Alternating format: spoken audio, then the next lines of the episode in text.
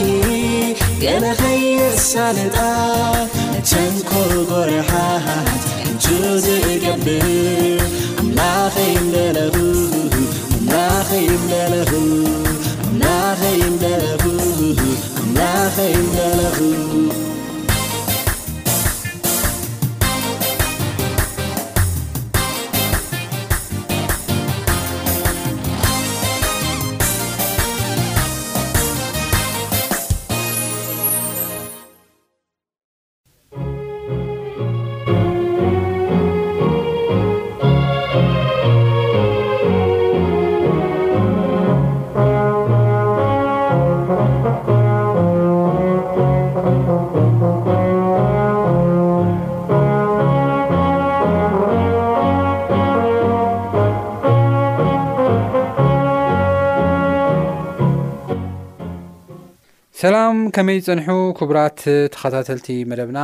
እዚ ብዓለም ለኻዊ ኣድቨንስ ሬድዮ እናተዳለወ ዝቐርብልኩም መደብኩም መደብ ቃል ኣምላኽ እዩ ኣብ ናይ ሎሚ ናይ ቃል ግዜና ድማ ትኹረት ንገብረሉ ኣብ ዮሃንስ ወንጌል ምዕራፍ 14 ዘሎ ሓሳብ እዩ እሞ ኣብዚ ሓሳብ እዚ እንሪኦ ጥቕስታት ወይ ድማ ቅድሚ ምንባብና ሕፅር ዝበለ ጸሎት ክንጽሊ ኢና እግዚኣብሔር ኣምላኽ ስለዚ ግዜን ሰዓትን ነመስግነካ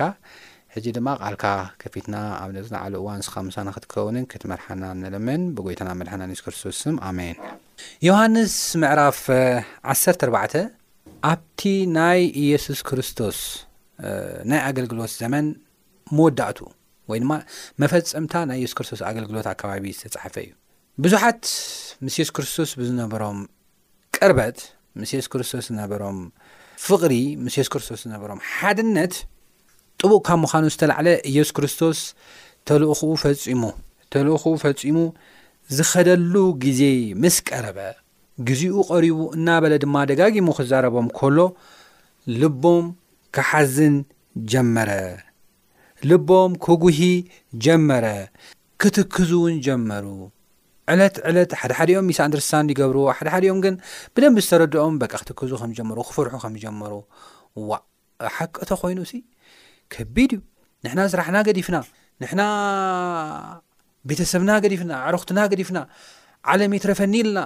ተኸቲልናዮስ ሕጂ ሱ ወዲ ሰብ ክስቀል ይብል ስለ ብዙሓት ሓጢኣት ዋጋ ክኸፍል እዩ ከመውት ይብል ከመይ ገይሩ ከምኡ ይብል ንሕና ክንታይ ኢና ንኸውን ኣዕሩክትናኸ ከመይ ገይሮም እዮም ክቕበሉና ስራሕናኸ ከመይ ገርና ኢና ንምለስ ህዝቢ ኩሉ ፈሊጥና እዩ ኣብ ዓድናኸ ከመይ ገርና ኢና ንቕመጥ ኮታስ እዝን ካልኦት ነገራትን ካልኦት ስጋእታትን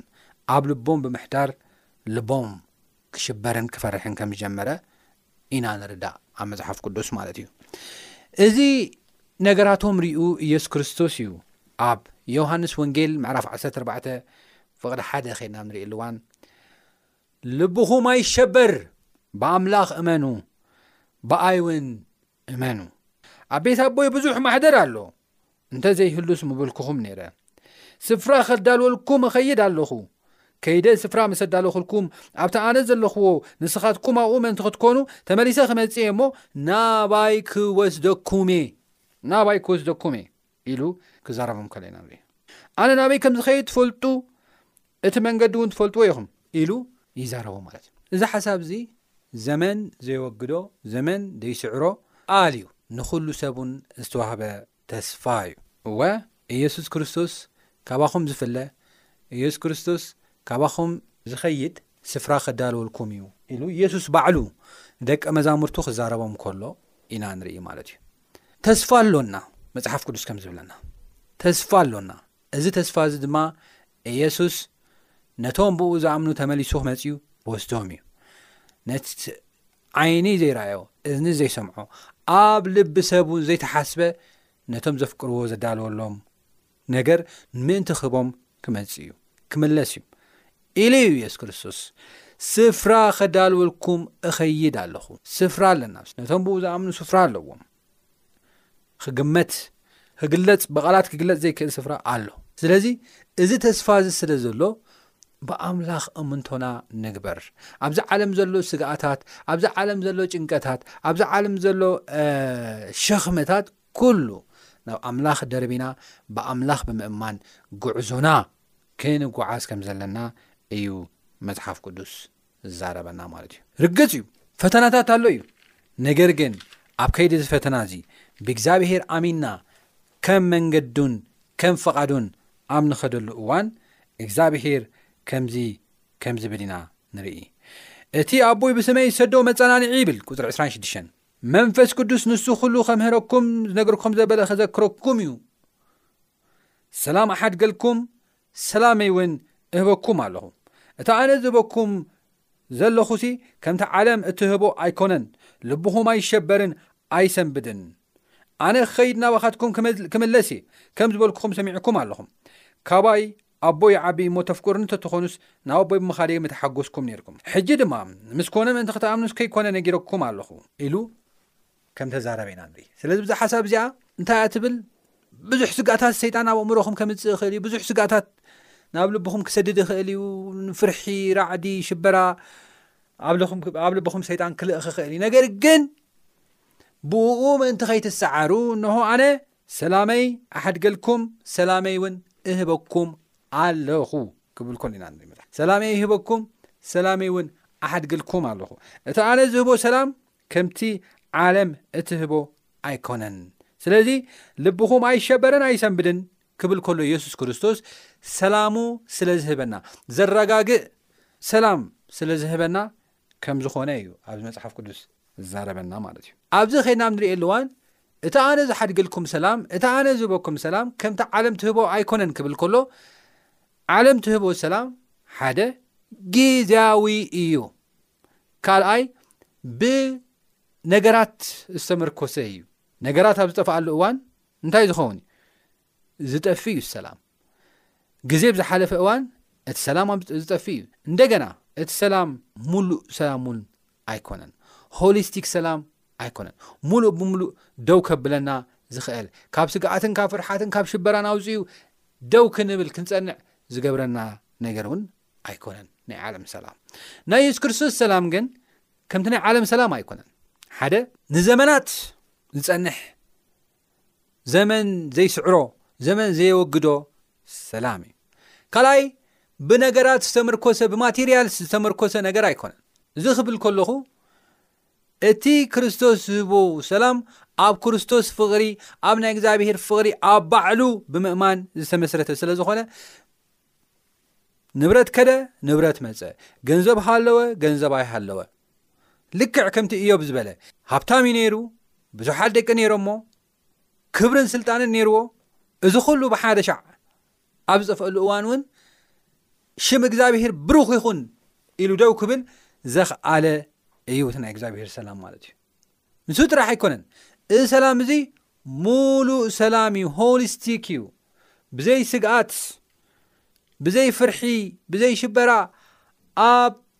ቃል ኣምላኽ ጸኒዕና ብኣምላኽ ኣሚንና ደው ክንብል ዝገብረና ዓብይ ሰላም እዩ ማለት እዩ ሆሊስቲክ እዩ ኣእምሮ ከምኡውን ስምዒትና ሳልሳይ እውን እንደገና መላእ ኣካላትና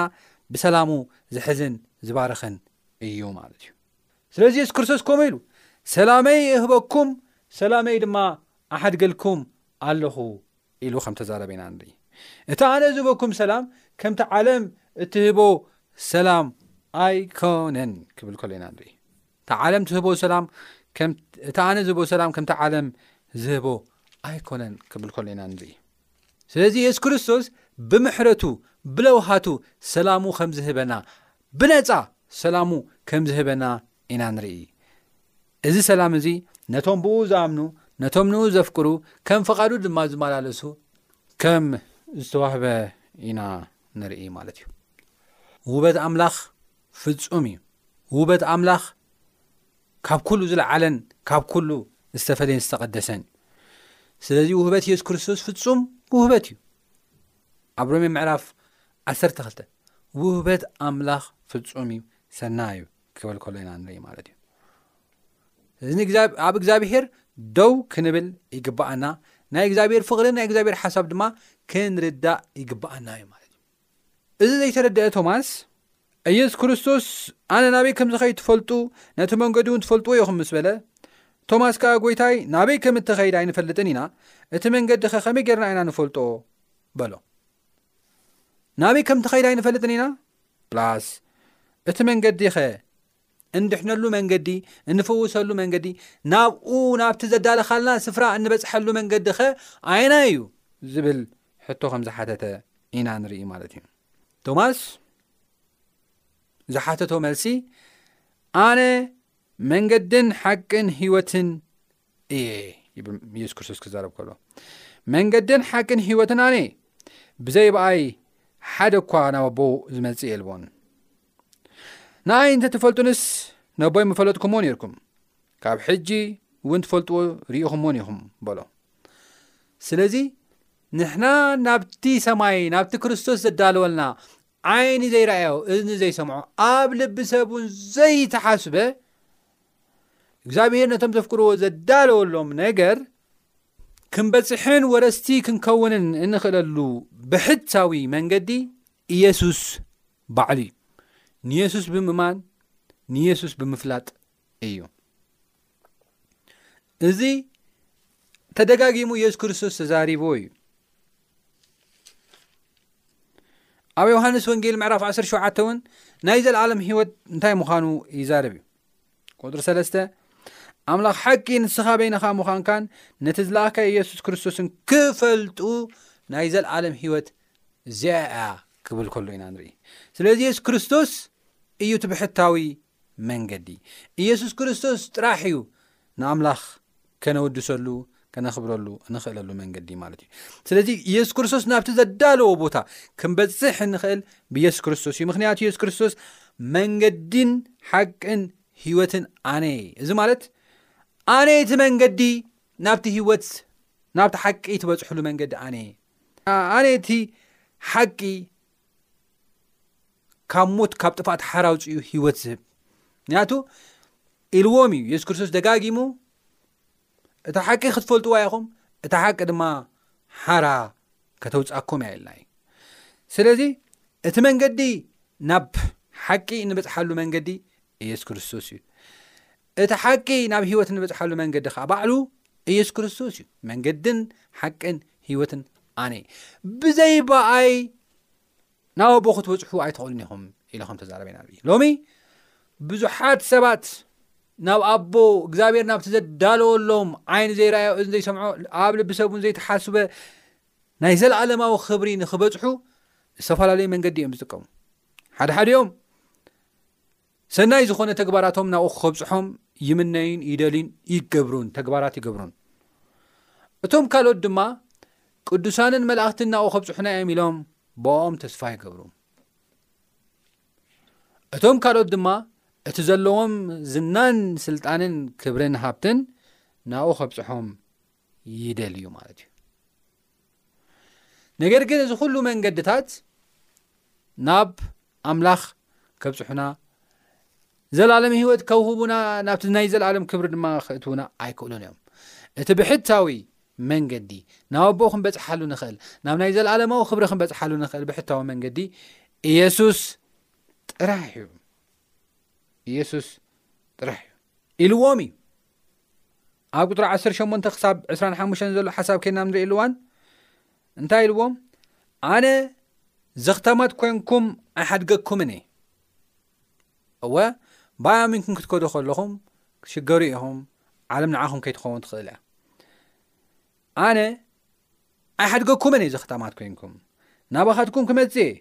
ቅሩብ ግዜ ዓለም ደጊማ ኣይትርእንን እያ ንስኻትኩም ግና ክትርእዩኒ ኢኹም ኣነ ህያው እየ እሞ ንስኻትኩም እውን ህያውያን ክትኮኑ ኢኹም ነቶም ብኡ ዝኣም ደቀ መዛሙርቲ ይዛረቦም ዘሎ በታ መዓልቲ እቲኣ ኣነ ነቦይ ንስኻትኩም ኣበ ኣባይ ኣነ ናባኻትኩም ምህላወይ ክትፈልጡ ኢኹም ምስ በለ ኣብ ቁፅሪ 21 እቲ ንትእዛዛተይ ዘለዎ እሞ ዝሕልዎ ንሱ እዩ እቲ ዘፍቅረኒ ነቲ ዘፍቅረን ድማ ኣቦይ የፍቅሮ እዩ፣ ኣነ እውን የፍቅሮ፣ ርእሰይ ከኣ እገልጸሉ፣ ኣፍቅሮ ርእሰይ እውን እገልጸሉ ኢሉ ክዛረብ ከሎ ኢና ንርኢ። ድሓር ሓቲቶሞ፣ እቲ ዘይኣስቆሮጣዊ ይሁዳ ድማ ጎይታይ እቲ ርእስኻ ንዓለም ዘይኮነስ ንኣና እትገልጸሉ እንታይ እዩ በሎ። ኢየሱስ ከኣ ዘፍቅረኒ እንተሎ ቃለይ ይሕሉ ኣቦይ ድማ የፍክሮ እዩ ናብኡ ወን ንመፅእ ኣብኡ ከዓ ማሕደር ክንገብር ኢና ኢሉ ስለዚ እታ ዋና ኣብዚኣ ዘላ ሓሳብ ብየሱስ ክርስቶስ ምእማንን ንእግዚኣብሔር ኣምላኽካ ከዓ ምፍቃርን እያ እግዚኣብሔር ኣምላኽካ ድማ ምፍቃር እያ ምፍቃር ማለት ድማ ትእዛዛት እግዚኣብሄር ምሕላው ማለት እዩ ትእዛዛት እግዚኣብሄር ምሕላው ማለት መብዛሕትኦም ኣብ ሓድሽ ኪዳን ዝተዋህበ ዝመስሎም ኣብ ማቴዎስ ምዕራፍ 22 ተጠቕሰ ሓሳብ እዩ ኣብ ማቴዎስ ምዕራፍ 22 እንታይ እዩ ተጠቂሱ እግዚኣብሔር ኣምላኽካ ብምሉእ ሓይልኻ ብዅሉ ሓሳብካ ብዅሉ እንትነኻ ኣፍቅሮ ንብጻይካ ድማ ከም ነፍስኻ ኣፍቅሮ ዝብል ሓሳብ ወይ ድማ ትእዛዝ እዩ ዝመስሎም ነገር ግን ናይቲ ትእዛዝ መፈጸምታ ናይቲ ትእዛዝ መደምደምታ ፍቕሪ እኳ እንተ ዀነ፣ እዚ ትእዛዝ እዚ ግን ኣብ ብሉይ ኪዳን እውን ዝነበረ ጥቕሲ እዩ። እቲ እግዚኣብሄር ኣምላኽካ ኣፍቅሮ ዝብል ቃል ኣብ ዘዳግም ምዕራፍ ሽዱሽተ ፍቕዲ ሓሙሽተ እንትኸውን እቲ ንብጻይካ ከም ነፍስኻ ኣፍቅሮ ዝብል ድማ ኣብ ዘለዋውያን ምዕራፍ ዓሰርተ ትሽዓተ ዘሎ ሓሳብ እዩ። ዘላን መራፍ 19 ፍቕሪ 18 ንደቂ ህዝብኻ ሕነ ኣይትፍደን ኣይትቀየምን ንብጻይካስ ከም ርእስኻ ደኣ ፍተዎ ተባሂሉ ከም ተገልጸ ኢና ንርኢ ስለዚ እዚ ትእዛዝ እዚ ካብ ብሉይ ኪዳን ዝነበረ ቀደም ኣትሒዙ ዝተዋህበ ትእዛዝ ከም ዝኾነ እምበር ሓድሽ ከም ዘይኮነ ኢና ንርኢ እዚ ትእዛዝ እዚ ኣብ ማቴዎስ መራፍ 22 ከም ዝነገረና ብምሉኡ ትእዛዝ ኣብኡ ከም ዘሎ ኢና ንርኢ ክጅመር ከሎ ዘን ትእዛዝ እዚኤን ኣብ ክልተ ጽላት እየን ተዋሂቦሞም ነይረን ኣብ ክልተ ጽላት ምዃኖም እተን ኣርባዕተ ፍቕሪ ንእግዚኣብሄር እተን ሽዱሽተ ድማ ፍቕሪ ንሰብ ተባሂለን ከም ተኸፍላ ኢና ንርኢ ማለት እዩ እተን ፍቕሪ ንእግዚኣብሄር ተባሂለን ዝተፈለያ ሓሳባት ከይናም ንሪኢ ኣለዋን ብጀካይ ካልኦት ኣማልኽቲ ኣይሃልውኻ እቲ ካልኣይ ኣብ ላዕሊ ኣብ ሰማይ ኣብ ታሕቲ ኣብ ምድሪ ኣብ ትሕቲ ምድሪ እውን ኣብ ማያት ንኣኻ ማንም ምስልን ስእልን ንኣኻ ኣይትግበር ኣይትስገደሎምን ኣይተገልግሎምን ዝብል እዩ እቲ ሳልሳይ ድማ ስም እግዚኣብሄር ብኸንቱ ኣይትፀውዕ ዝብል እዩ እቲ ራብዓይ ድማ መዓልቲ ሰንበት ክትቅድሳ ዘክር እግዚኣብሄር ሽዱሽተ መዓልቲ ሰሪሑ ሸውዓይ መዓልቲ ዓሪፉ እዩ እሞ ኣብታ ሸውዓይቲ መዓልቲ ንስኻ እውን ግዝእኻ ግዝእትኻ ሰበይትኻ ኣብ ቤትካ ዘለዉ ኩሎም በታ ሳብዐይቲ መዓልቲ ስራሕ ኣይትስርሑ ዝብል እዩ። እዚ ትእዛዝ እዚ ከይና ንርእየሉ እዋን ፍቕሪ ንእግዚኣብሄር ዝገልጽ እንትኸውን እቲ ቀጺሉ ዘሎ ሓሳባት ኣይትቕተል፣ ኣይተመንዝር፣ ኣይትሓሱ፣ ኣይትስረቕ ከምኡውን ቤት ብጻይካ ሰበይቲ ብጻይካ ማንም ናይ ብጻይካ ነገር ኣይትመነ ዝብል ሓሳባት ድማ ፍቕሪ ንሰብ ከም ዝኾነ ኢና ንርኢ ስለዚ ንሕና እዚ ትእዛዛት እዚ ክንሕሉ ከለና ንሕና ከም ፍቓዱ እዚ ሕግታቱ ክንሕሉ ከለና ንእግዚኣብሄር ከም ነፍቅሮ በዚ ከም ንልለ ወይ ድማ ምስክር ከም ዝኾነ ኢና ንርኢ ንእግዚኣብሄር የፍቅሮ እየ እናበለ ንሓዉ ዝፀልእ እንተሃለወ ንሱ ሓሳዊ ይብለና መፅሓፍ ቅዱስ ስለዚ እግዚኣብሄር ነቲ ዘፍቅሮ ከኣ እንታይ ይገብር ይብል መጽሓፍ ቅዱስ ክዛረበና ከሎ የሱስ ከኣ ዘፍቅረኒ እንተሎ ቃለይ ይሕሉ እዩ እሞ ኣቦ የፍቅሩ እዩ ናብኡ እውን ንመጽእ ኣብኡ ከዓ ማሕደር ክንገበር ኢና ይብል ናብ ኣቦ ዝኸይድ እውን ንሱ እዩ ይብለና እቲ ቅድም ኢለ ስፍራ ክዳልወልኩም እኸይድ ኣለኹ ስፍራ መሰ ዳለኹልኩም ተመሊሰ ክመጽእ ናብኡ ክወስደኩም እየ ከም ዝበለ ከምኡውን ቀጺሉ ኣነ መንገድን ሓቅን ህይወትን እየ ብዘይ ብኣይ ናብ ኣቦ ዝበጽሕ የለን ከም ዝበሎ ናብ ኣቦ እንበጽሐሉ መንገዲ ንየሱስ ክርስቶስ ብምእማን እዚ ትእዛዛቱ ክንእዘዝ ከለና እዩ እዚ ክንገብር ከለና ንእግዚኣብሄር ከም ነፍቅሮን ንየሱስ ክርስቶስ ከም ነፈቅሮን በዚ ኢና ንፍለጥ እሱ ጥራሕ ዘይኮነ ናብ ሰማይ እንበጽሓሉ መንገዲ እውን ንሱ ከም ዝኾነ ኢና ንርኢ ማለት እዩ ያቆብ እዚ ዓይነት ነገር ህያው እምነት ኢሉ ይፅውዖ እዛ እምነት እዚኣ ግብሪ ዘላታ እምነት ህያው እምነት ኢሉ ኣብ ያቆብ ምዕራፍ ክልተ ይፅውዖ ማለት እዩ ዝሞተ እምነት ኢሉ ዝፅውዖ ድማ ክዛረብ ከሎ እምነት ኣለኒ ዝብል እፈልጦ እየ ዝብል ነገር ግን ግብሪ ግን ዘይብሉ ዘይእዘዝ ከም ገዛእ ርእሱ ዝኸይድ ግን ዝሞተ እምነት ኢሉ ይፅውዖ እዩ ማለት እዩ ማኣሕዋተይ የሱስ ክርስቶስ ዳግም ክምለስ እዩ እዚ ርግፅ ተስፋ እዩ ብኽብሪ ክምለስ እዩ ብድምፂ መሊቀ መላእኽቲ ክምለስ እዩ ሙታን ድምፁ ዝሰምዑላ ሰዓት ክትመፅ እያ ኣብ መቓብር ዘለዉ ድማ ክትንስኡ እዮም እቶም ብኡ ዝኣመኑ እቶም ብህይወት ፅንሑ ድማ ክልወጡ እዮም ናይ ክርስትያናት ተስፋ ፀልሚቱ ኣይተርፍን እዩ እሞ ኣሕዋተይ እዚ ተስፋ እዚ እናረኣና፣ ናይ እግዚኣብሔር ተስፋ፣ ናይ ኢየሱስ ክርስቶስ ተስፋ ሒዝና ከም ፍቓዱ ብምምልላስ፣